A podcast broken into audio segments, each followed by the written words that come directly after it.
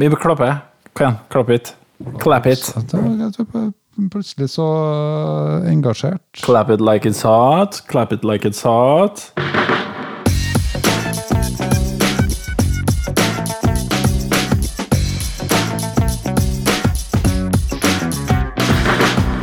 Du hører på Psykologlunsj, populærvitenskapelig lunsjprat med psykologene Tommy, Jonas og Jan Ole.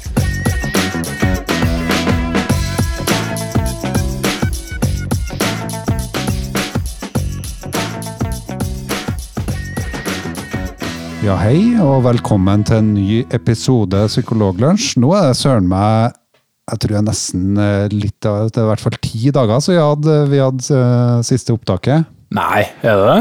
Og i disse dager så er jo det mye igjen nå. Det, det er mye, altså. Det er så mye. Ja, det er det. Så, det blir så, sånn eksponentielt framover, da.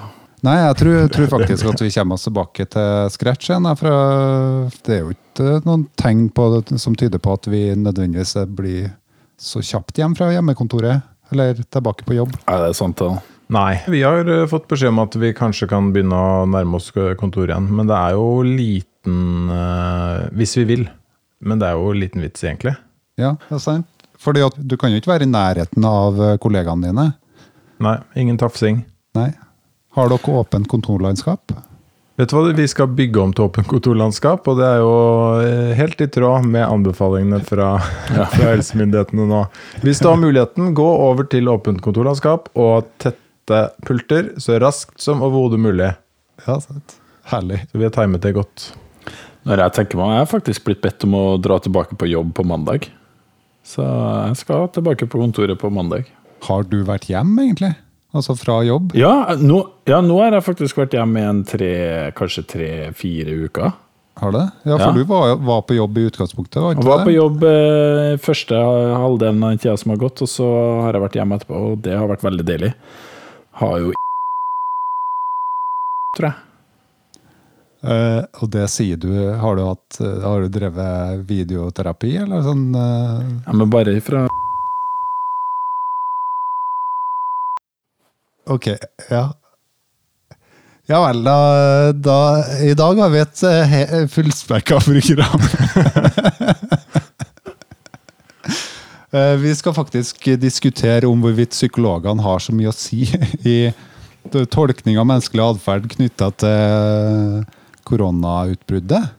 Ja. Så, så det, i dag blir det jo et koronatema. Det, Jan Ole, det er du som egentlig har, har eh, Eller det er faktisk en tips fra en lytter som, eh, som har sagt at vi skal sette i gang med det. Men Jan Ole, du har vært liksom primusmotor for det. Kan ikke du bare ta en liten intro?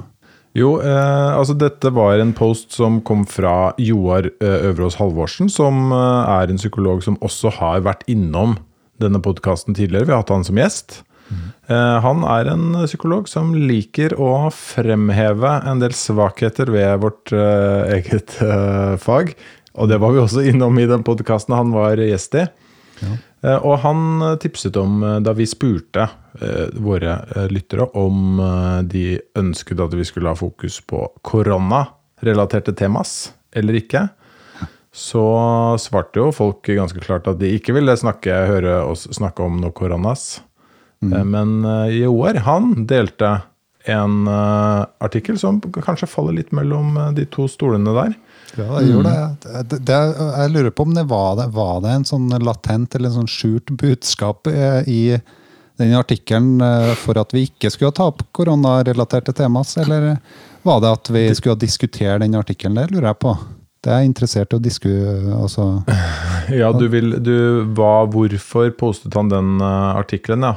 Ja. Skal vi diskutere den, eller skal, burde vi egentlig bare eh, la den ligge? Ja, for det er jo fort eh, det vi psykologer ender opp med. En sånn metadiskusjon. Altså en diskusjon om hans Ja. intensjoner bak å dele den artikkelen. Hvorfor ville han egentlig gjøre det? Jeg spurte jo Joar jeg om han ville være med i denne podkasten og snakke om, eh, snakke om den artikkelen, og da sa han nei. sa han. Ja, sant. Eh, og, men det var ikke fordi han ikke ville diskutere artikkelen. Det er fordi at han har en liten baby og har bedre ting å tenke på enn å henge sammen med oss. Ja, eller kanskje fant på at uh, altså, for å slippe å ende opp i den pinlige situasjonen at vi egen, han egentlig mente at vi ikke skulle diskutere denne artikkelen, så fant på en unnskyldning med at han faktisk da altså Hvem vet? Har han et ekstra barn, egentlig? igjen? Det, det Ja, han, det er jo litt rart, for Joar blir jo 86 år eh, litt eh, senere i år. Og det er litt rart at han har en seks uker gammel baby. Det er det. Eh, så det er litt rart. Nei da, Joar er ikke 86 år. Han er på vår alder. Men denne artikkelen jo, tar jo for seg en del, god del av de temaene som vi har vært litt innom sjøl eh, i ulike podkaster. Mm. Ja, absolutt. Tankefeil og det ene og andre og Ja, Hvis jeg skal ta en liten recap da, etter at vi har, uh, har sporet av litt her, så er dette er et uh, innlegg av en som heter Stuart Ritchie, som er en uh, psykolog ved Kings College i London. Han skriver for Unheard, da denne artikkelen. Og den handler egentlig om den har, tittelen 'Don't trust the psychologists on the coronavirus'. Og den tar for seg flere utsagn fra veldig, veldig kjente psykologer innenfor feltet judgment and decision making. Altså eh, egentlig beslutningspsykologi. Eh, kjente navn som snakker veldig, har gjort veldig mye viktig forskning innenfor alt som har med kognitive bias å, eh, å gjøre. Og blant annet så nevner han eh, eh, Paul Slovic, som er eh, veldig kjent. eh, David DeStano. Eh, Gerd Gigerenser, som er en slags nemesis uh, til Daniel Kahneman. De har krangla litt grann om en del prinsipielle ting.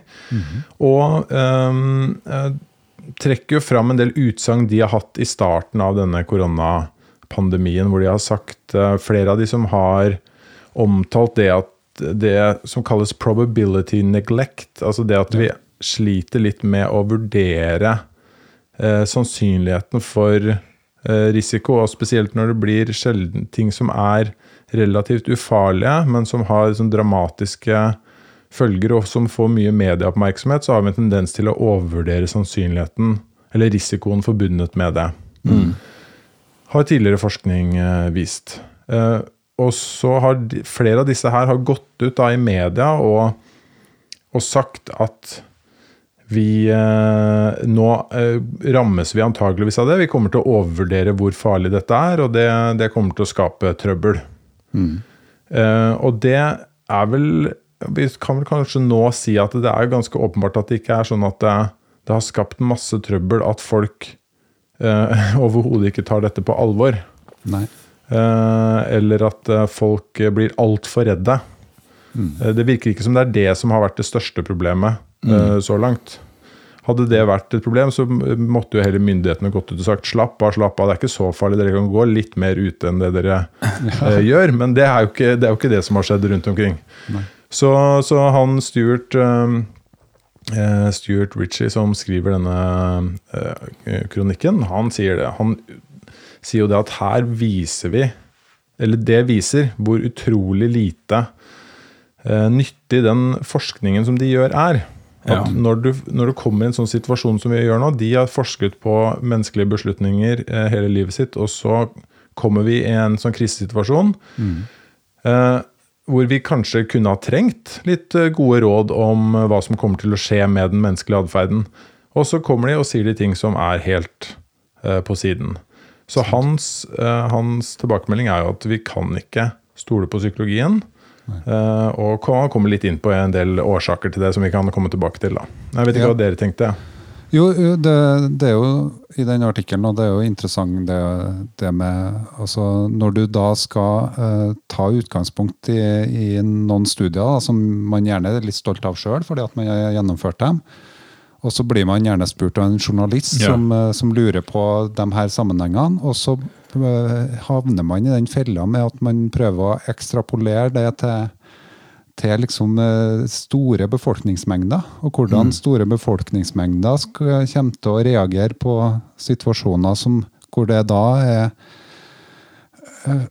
Altså, du går fra egentlig ganske enkle sammenhenger til veldig kompleks multivariat analyse, da, på et vis. Eh, og det tror jeg Den fella går vi i psykologien eh, fort oppi med at vi altså, kanskje historikerne har på mange måter har eh, like mye å si om hvordan menneskemengder reagerer ved utbrudd av en pandemi, enn det vi gjør basert på vår kunnskap om beslutninger, f.eks. Mm. Ja, for det lurte jeg litt på, for at i denne artikkelen så står det jo litt sånn Noe av den kritikken som blir retta mot de her psykologene, er at de ekstrapolerer fra eh, forskninga si, som er, med, er på mer beskjedent utvalg. Jeg lurer på sånn, hvor, hvor stor størrelsesforskjell er det? Hva, hva er den forskninga de har gjort, eller det fagfeltet de har kunnskap om? Fordi å, det å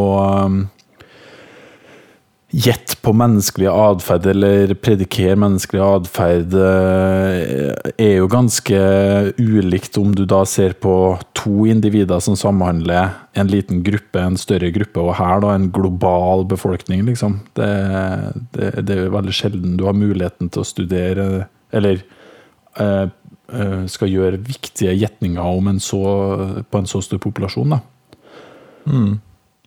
Og jeg tenker er- på, på en måte så er det relativt lett også å forsvare disse eh, psykologene, syns jeg. Uh, fordi at uh, fordi Sånn som Jonas sier, sant, at de kanskje de blir stilt noen spørsmål av en eh, journalist, og så, så blir ting kanskje satt litt på spissen. Noen av disse tingene her hadde de jo skrevet selv også, som var hele sånn kronikker som de hadde skrevet selv, så det gjelder nok ikke hele tiden. men man kan til en viss grad forsvare de eh, på, på det grunnlaget der. At det, de vil nok si at ja, det er veldig komplekst, og hvis de får spørsmål, så vil de nok si at det er, det er, jeg kan ikke predikere dette, men dette er en, dette er en mulig svakhet eh, ved oss mennesker, så, så vi må være obs på at vi kan, kan overvurdere denne faren.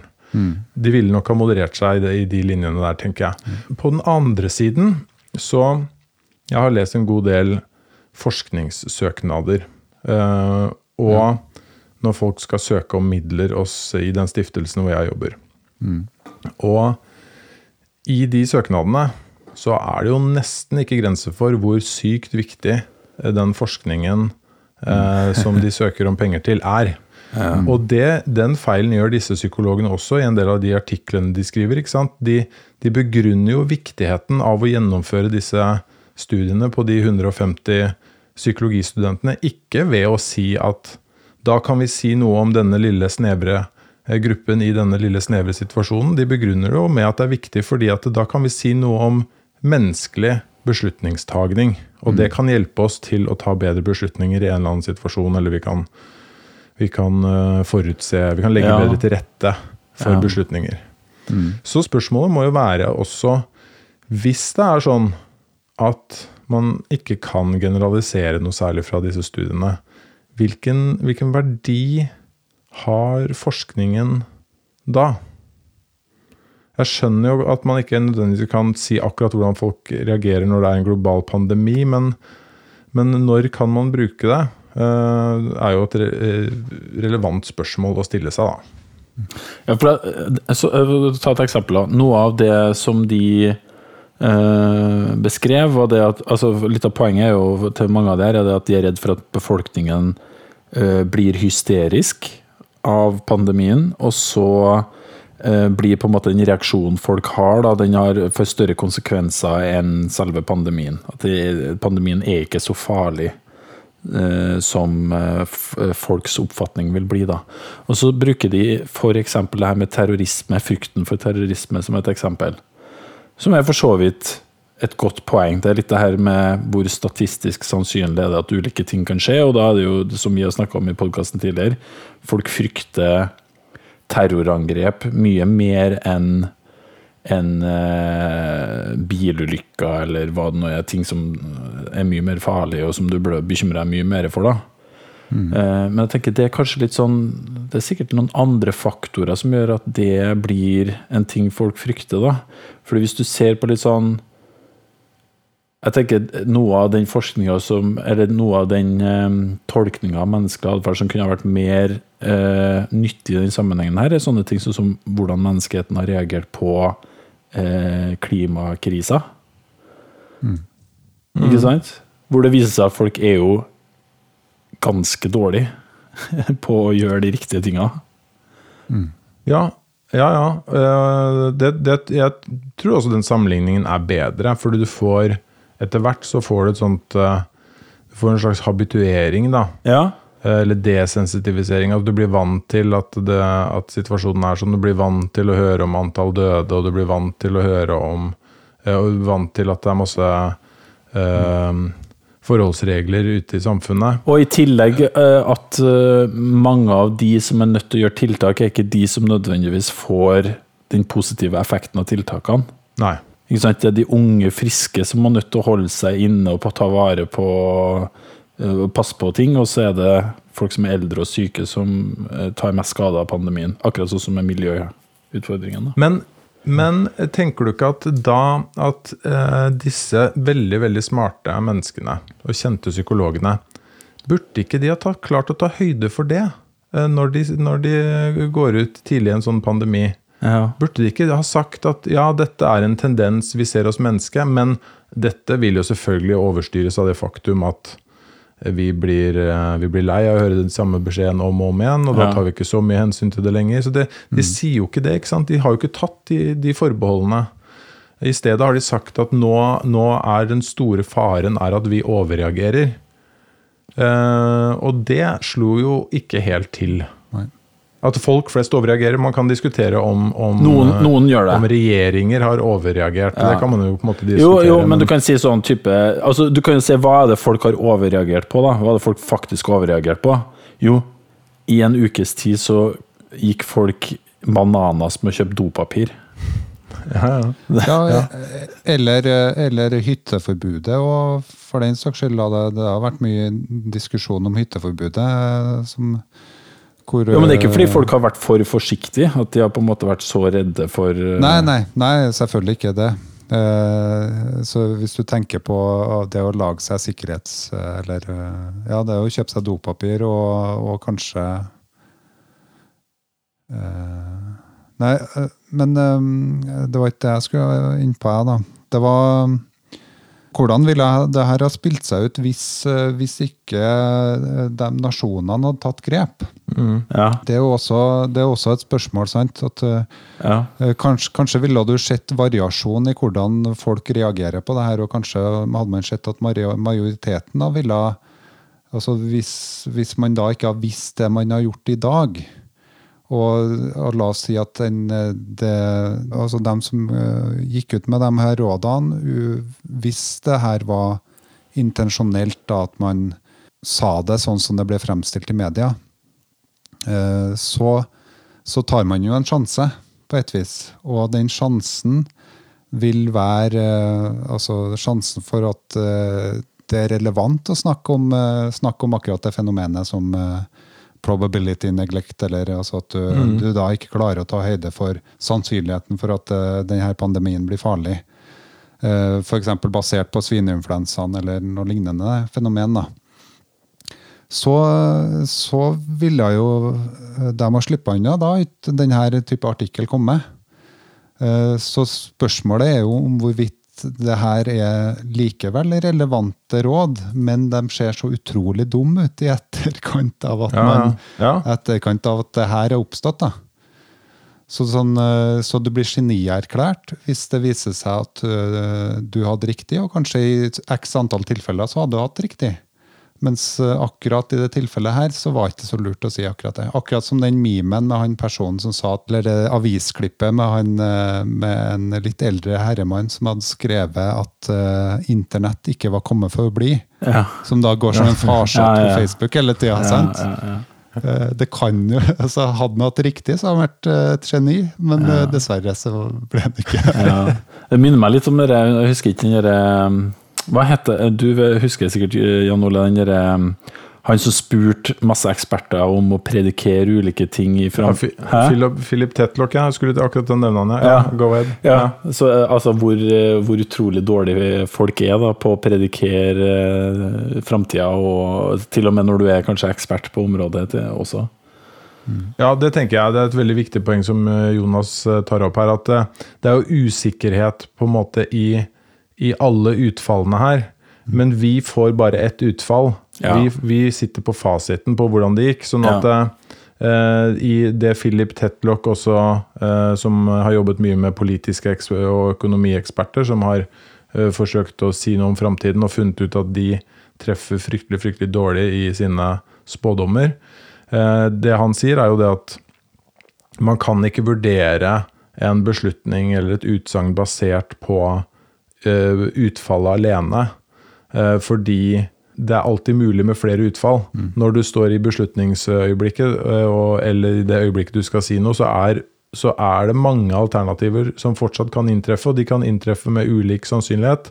Og det er egentlig det er egentlig bare hvis du simulerer verden mange, mange ganger, at du får, eh, får eh, Det mest sannsynlige utfallet. Ja, ikke sant? Om du får hva er, det, hva var den beste tingen å gjøre her.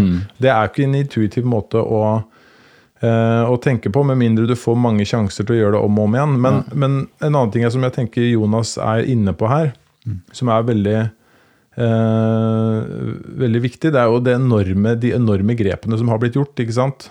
Ja. som har, som har sørget for å sette så strenge rammer på livene våre at det er, um, nesten, det er umulig nesten å overreagere nå. Det er jo klin umulig. Hvis jeg skal overreagere nå, så må jeg bare Jeg skal ha dobbelt så mye hjemmekontor som jeg har nå. og det er jeg, skal er nesten, jeg kan jo nesten ikke bevege meg mindre enn jeg gjør. Ja. Jeg er lite på butikken, jeg er lite ute, jeg sitter foran skjermen. Så jeg har ikke mulig, den muligheten.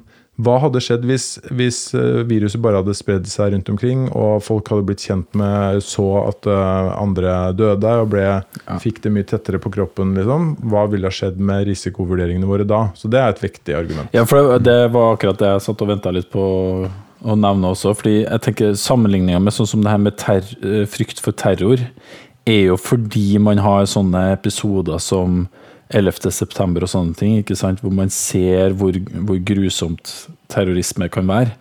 Eh, hadde eh, denne pandemien utfolda seg eh, sånn som svartedauden, så tror jeg nok at folk kunne ha blitt eh, ganske hysterisk.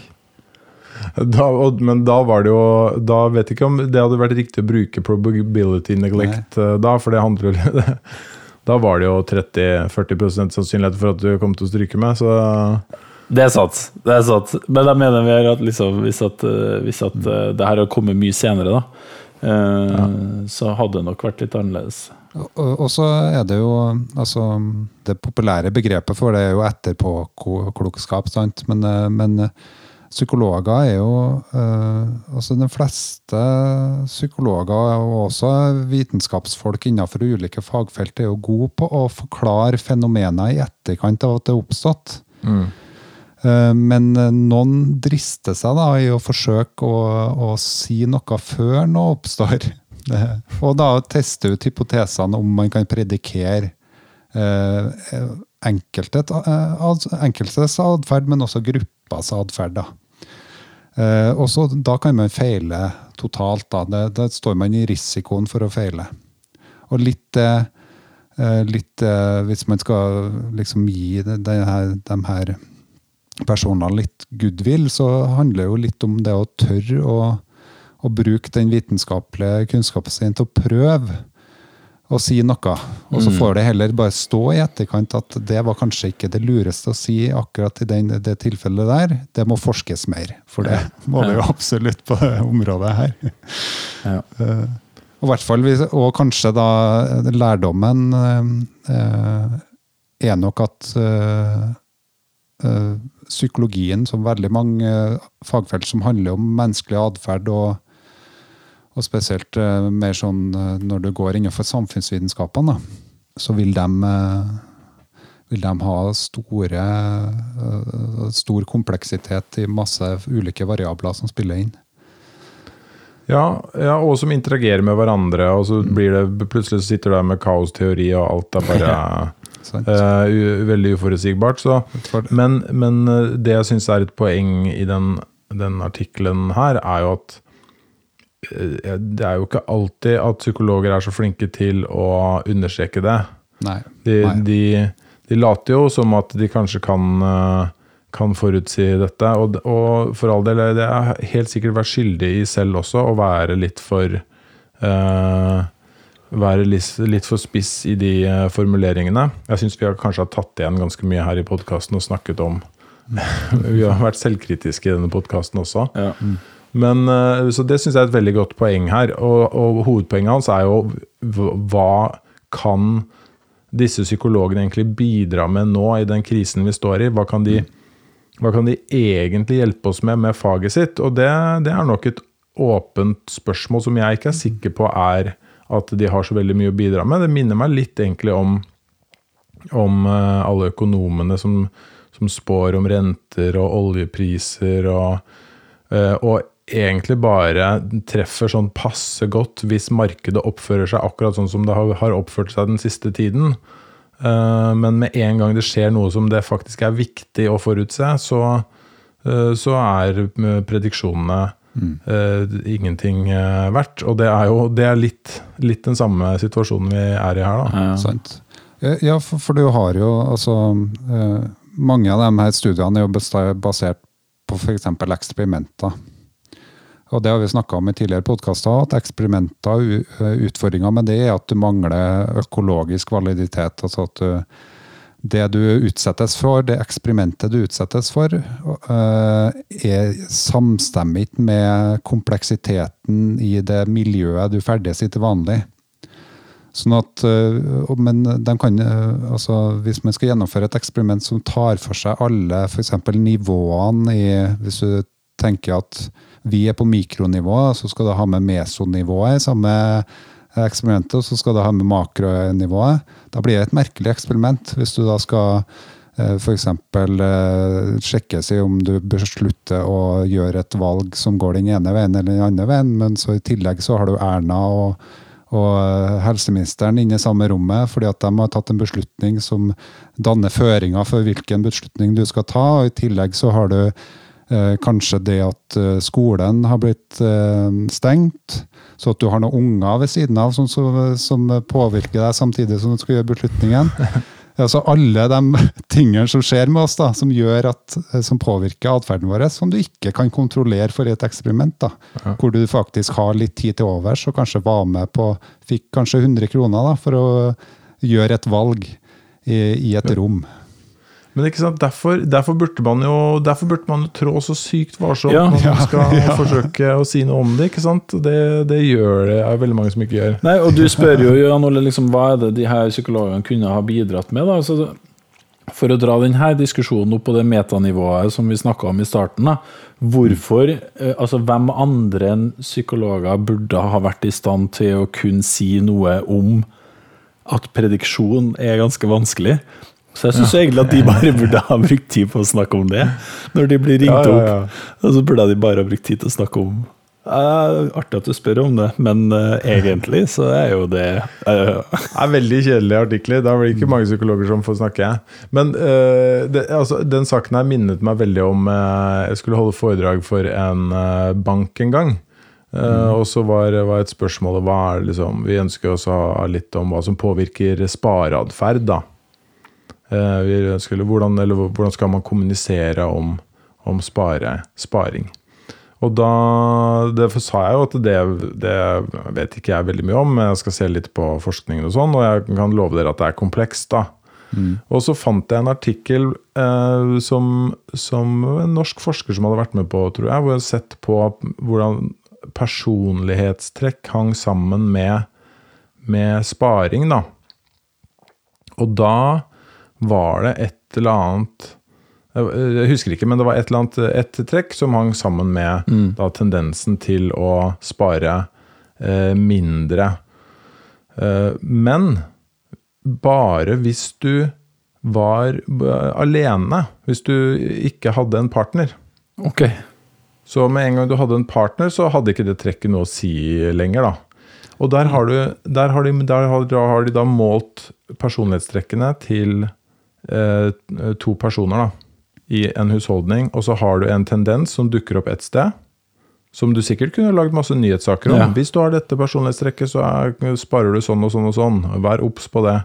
Men så legger du til bare én lit, bitte liten variabel til, og det er at det er et annet menneske i det huset, på en måte, som du interagerer med. Og så blir den borte!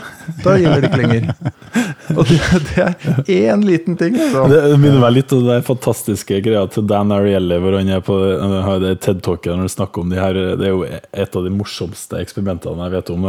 De her fastlegene som blir bedt om å kalle tilbake en pasient for å gjøre en intervensjon til. Etter at det er sendt en henvisning til å gjøre en operasjon, og så kommer de på liksom Å nei, jeg glemte av å prøve ut en medisin. Ville du ha kalt tilbake pasienten? Hvis det fører til ulempe, liksom, og alt mulig sånt. Og de fleste fastlegene vil si ja, jeg vil ha kalt tilbake pasienten i stedet for å sette den gjennom en unødvendig operasjon. Variant versjon to, så er det liksom Ville du kalt tilbake pasienten, men du må velge mellom to medisiner. Ja, det er to ting du ikke har prøvd. Du rekker bare å prøve ut én medisin, så det er nøyaktig, nøyaktig samme arbeidet, men du må liksom tenke én tanke til. Skal jeg prøve medisin A eller B? Og da bare sånn Fuck it. Pasienten får bare opereres. Ja, og det, det beste med den eh, studien er jo for så vidt at det, det er jo ikke bare det at eh, det er det samme arbeidet du skal gjøre, men du har egentlig enda en god grunn til å Ja. hente pasienten tilbake. For det er to ting du ikke har prøvd. prøvd. Eh, to forskjellige ting. Ja. Det er ikke det samme. Og så må du Så egentlig dobbelt så god grunn til å eh, kalle pasienten tilbake, men det vil likevel så blir det for mye Ja. å tenke på. Men det er, det er liksom det eksperimentet er så bra, for det tangerer akkurat liksom den der- lille ekstra tingen som bare forandrer alt av atferden til den personen. Liksom. Og da, bare, som dere sier, bare legg til alle de her faktorene som du snakka om i stad, Jonas.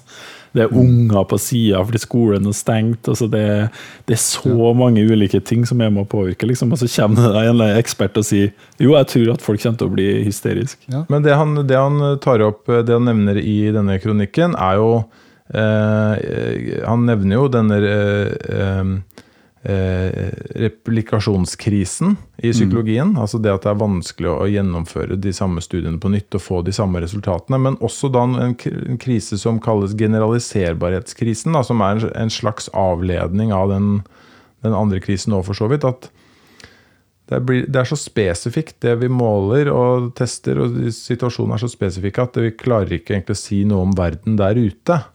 Vi kan ikke generalisere. Og det har jeg hørt stadig mer snakk om, også i en del av de podkastene jeg følger, at det snakkes mye om den, og mange som mener at psykologisk forskning må ta, bør ta en annen vei også. Uh, og i stedet for å drive med disse lab-eksperimentene, også begynne mer med uh, å observere folk ute i sitt naturlige, i sitt naturlige habitat. Det er en lang diskusjon, men, Ja. men uh, jeg syns jo det er et vektig argument. Vi kan ikke bare si at det er mange ting som påvirker atferd, og så trekke oss unna. Nei. Det må få noen konsekvenser òg. Det er sant. Og så, jeg, jeg tror jo vi, vi er jo til en viss grad litt inn på eh, tematikken som både ja, som f.eks. Ole Jakob Madsen er inne på. At, eh, altså den, som da handler mer om den terapeutiske kulturen, men også handler om psykologisering av, av ulike fenomen som oppstår. da. Eh, og det og kanskje eh, altså det at journalister har blitt vant til å ringe mm. psykologer for å, for å formidle noen ting som gjør at man føler seg smart og er i forkant av Ja. hendelser. Altså opplevd kontroll, egentlig. Eh, Det er en felle som vi psykologer kan havne i. Det, det tror jeg mange av oss psykologer som har en tendens til å havne i den eh, fella eh, i relasjoner til andre som ikke er psykologer. Så har man en tendens til å eh, forklare hendelser ut ifra sin eh, faglige ekspertise om hvorfor gjorde man det og ditt og datt i ulike situasjoner. Og egentlig så er det ofte i etterkant, men man er ikke så god til å forutse eh, ting, fordi at man bruker masse egenerfaring i eh, tolkninga av hendelser, i tillegg til at man blander det sammen med de spesifikke forskningsresultatene man har. Og så har vi mennesker generelt da, en tendens til å oppleve at vi ja, Nå havner jeg i fella, men vi, vi har, en, eh, har en tendens eh, til å like å ha kontroll over at den ikke noe uforutsett oppstår. Så jeg skjønner godt at en journalist da velger å ringe en psykolog som man tenker kanskje er smart nok til å si noe lurt på det her området. Og så er det ikke nødvendigvis sånn at eh, det gjør seg så Det er et poeng i denne her, eh, artikkelen at uh, det er ikke alltid at psykologisk forskning gjør seg så bra for allmennheten. Fordi, fordi, at, fordi at det er mer forskning venter på området for å i hele tatt kunne si noe. Ja. Ja, et veldig godt poeng. Mm. Det var et veldig langt resonnement, som var Nei, innom alt mulig rart. Jeg syns du var flink, jeg, Jonas. Du, var flink. du tok alle forbeholdene. Det er nettopp det som er grunnen til at eh, ingen journalister kommer bort til å plukke opp akkurat det. Det sitatet der. Det er bra. Men er det eh, Altså, når en journalist nå da ringer eh, neste gang eh, til deg, Jan Ole, og spør deg om du kan si noe om menneskelig atferd knytta til koronasituasjonen, vil du ha den her i, i, i mente, da, i bakhodet? Da vil jeg ha den i mente. Det vil jeg absolutt. Men jeg har helt sikkert gått på den fellen her før. Det eh, har jeg helt sikkert. Og det er noe med den dynamikken også når en journalist ringer. Det skjer jo Det har skjedd litt etter folkeopplysning og sånn, så ringer jo journalister fordi de kjenner igjen navnet og bare Ja, vi skal snakke med en psykolog. Eh, og det som skjer da, veldig ofte, er at de har jo en tanke om hvordan, eh, hvor de skal ende med artikkelen, og så vil de ha noen sitater, og de sier kanskje at de har lest denne, en eller annen forskningsartikkel og vil ha noe kommentar på det. Og så prøver man å snike inn en del forbehold, og, så, eh, og så tar de ikke med det. Uh, og, så, og så blir det jo litt sånn Skal jeg da si nei, jeg aksepterer ikke de sitatene. De er riktige, de sitatene, men det det er mye mer komplekst enn som så. Å være den, liksom, den kjipe som ødelegger for den journalisten. Eller skal du bare si ja, herregud, greit, jeg skal, får ikke være så selvhøytidelig. Det, det, det skjer veldig ofte. Og jeg har ett konkret eksempel på det. Det var eh, en journalist som ringte og lurte på eh, om jeg kunne si noe om eh, noe forskning som hadde handlet om eh, at Oscar-vinnere og Hall of Fame, eh, de som havner i Hall of Fame eh, i USA, i sånn sports Hall of Fame, eh, de, det er en studie som viser at de lever lenger enn de som blir nominert. Så altså de som egentlig i prinsippet er like gode, men som akkurat ikke nådde opp. Det er ikke noen grunn til at de som vinner en Oscar-status, skal leve lenger enn de tre andre som er nominert i samme kategori. Uh, Men det viser da denne forskningen. Ja. Ja. Og så skulle jeg kommentere på det, så skrev jeg til den journalisten skrev jeg et svar på 8000 tegn. Som er som er en og en halv Aftenposten-kronikk. Ja. Eh, og så brukte den journalisten eh, 314 tegn ja. av det. Eh, så eh, så eh, hvis man skal mene noe som helst, så må man leve litt med at det blir, eh, det blir forkortet og, og satt på spissen. Så det, blir, det kommer ikke alltid til å bli riktig. Så får man heller da bestemme seg for at da er det ikke verdt å si noe som helst, men det, det er en konklusjon jeg ikke har landet på ennå, i hvert fall. Ja, og det tror jeg er et godt poeng. Så, at, altså, fordi at journalister har jo et eget fag hvor de da tenker ut hva ønsker folk å ha. Altså, for det første så handler det om å bryte ned til, til noe som for, eh, samt, eh, fremdeles har et meningsinnhold. Eh, Så, hvor da journalisten gjør en vurdering på eh, har jeg oppsummert da, de, de her eh, 8000 tegnene til, til 413 tegn, eller hva det var. Eh, eh, er det det samme jeg sier her? Og så til syvende og sist så handler det jo litt om kommer folk til å lese det her, tror jeg. Og, det, og da, da ender man opp med det at uh, dem som da er gode på beslutningspsykologi i, i, sånn som den her, eh, i denne artikkelen, eh, da ender man opp med at det blir de enkle svarene som handler om at folk vil da overvurdere faren. Altså sannsynligheten for fare, selv om den ikke er der. Og så, og så havner de i fella hvis det da går skeis. Mm. Eh, Vil dere ha en liten eh, anekdote om, eh, om Kings College? For han her var jo fra Kings College. Jeg kan ikke tenke meg noe annet. Kjør en anekdote av, av Kings College før vi runder av. Ja, jeg var, jeg var på en forskningskonferanse her. altså det, det er bare det fordi at jeg har respekt for folk fra Kings College. Jeg var på en forskningskonferanse i organisasjonspsykologi. Og da hadde jeg tatt med meg den eh, Det var før jeg hadde kjøpt meg en ekstra dress. Så jeg hadde én dress. og Det var den dressen som jeg brukte uh, ja, Konfirmasjon. Uh, ikke konfirmasjon, men det det er ikke langt unna. Jeg var i et bryllup en gang hvor jeg kjøpte inn den dressen. Også, Solgte du det på bryllupet? ja, de gjorde det. For, jeg møtte jo opp helt shabby, sant? og så sto det noen bak kirka og sa pst, ser ut som du trenger en dress. Og så kjøpte jeg den og tok på den. Eh, Men i hvert fall så dro jeg på den forskningskonferansen med den dressen, og så viste det seg at eh, der var det jo sånn ball. Eh, Eller sånn, eh, sånn reception og alt mulig sånn, og så var det middag. Og så sto det at du skulle kle deg smart casual. Så tenkte jeg sånn smart casual, det er sikkert eh, Det går nå greit med denne dressen. Og så møtte jeg opp der, og så første han jeg hilste på, det var tre stykker fra Kings College.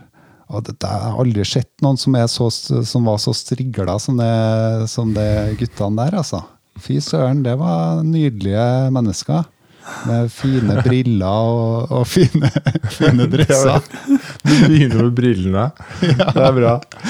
Eh, og jeg ser jo at han, har, han fyren her eh, Han har mest sannsynlig en bra dress og ser eh, Altså smart casual i England, det er noe annet enn en smart casual fra Steinkjer, altså. Det skal jeg love deg. Det var ikke noe særlig smart casual, så jeg kjøpte meg en dress rett etter den konferansen. for å liksom prøve å bygge opp litt selvtillit igjen. da. Ja. Så det kan jo hende jeg ble utsatt for et uh, sånn atferdseksperiment. Det, det vet ikke jeg. Knytta til beslutningspsykologi. Du ble nudga av uh, Hvem, hvem skulle, har int- egeninteresse av det her? Det var bare for å sjekke egentlig utfallsmålet var Ender Jonas opp med å kjøpe seg en dress eller ikke?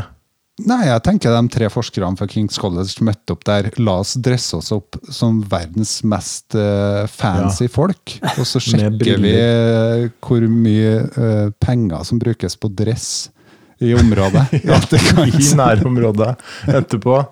Ja. I verden. Kanskje de til og med hadde en sånn liten bod utafor hvor de tilfeldigvis solgte veldig sånne dyre, fine dresser. Ja, det, det, men jeg, jeg tror ikke de hadde kjøpt dressen sin i en bod, altså. Nei, men nei. Men jeg gjør det, åpenbart bak kirka. Um, vi tar en outro, altså i dag så er det Jan Ole faktisk Ja, som det skal snakke oss ut. Ja. Oh, shit. Ja. Blir det noe beatboxing? Oi, nei, det blir ikke. Jeg kan prøve. Ja. Det, det er du som må spille jingle, så da, da nei, må jeg spille jingle? Ja. Jeg husker ikke helt hvor jeg har, jeg har den jeg. Du hadde jo den tidligere. Jeg prøver. Nei, det var feil. Nei, det var feil. Jeg tror, nå tror jeg den. Nei. Slutt. Slutt. Ok.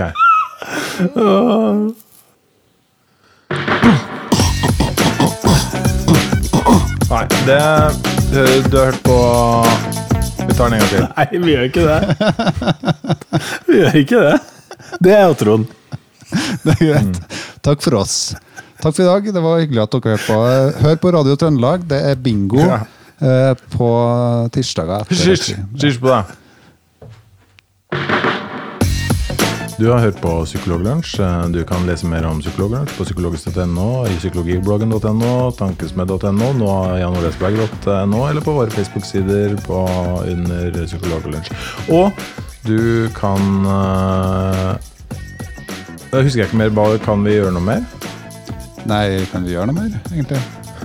Det, det er ikke mulig å gjøre mer. Sorry.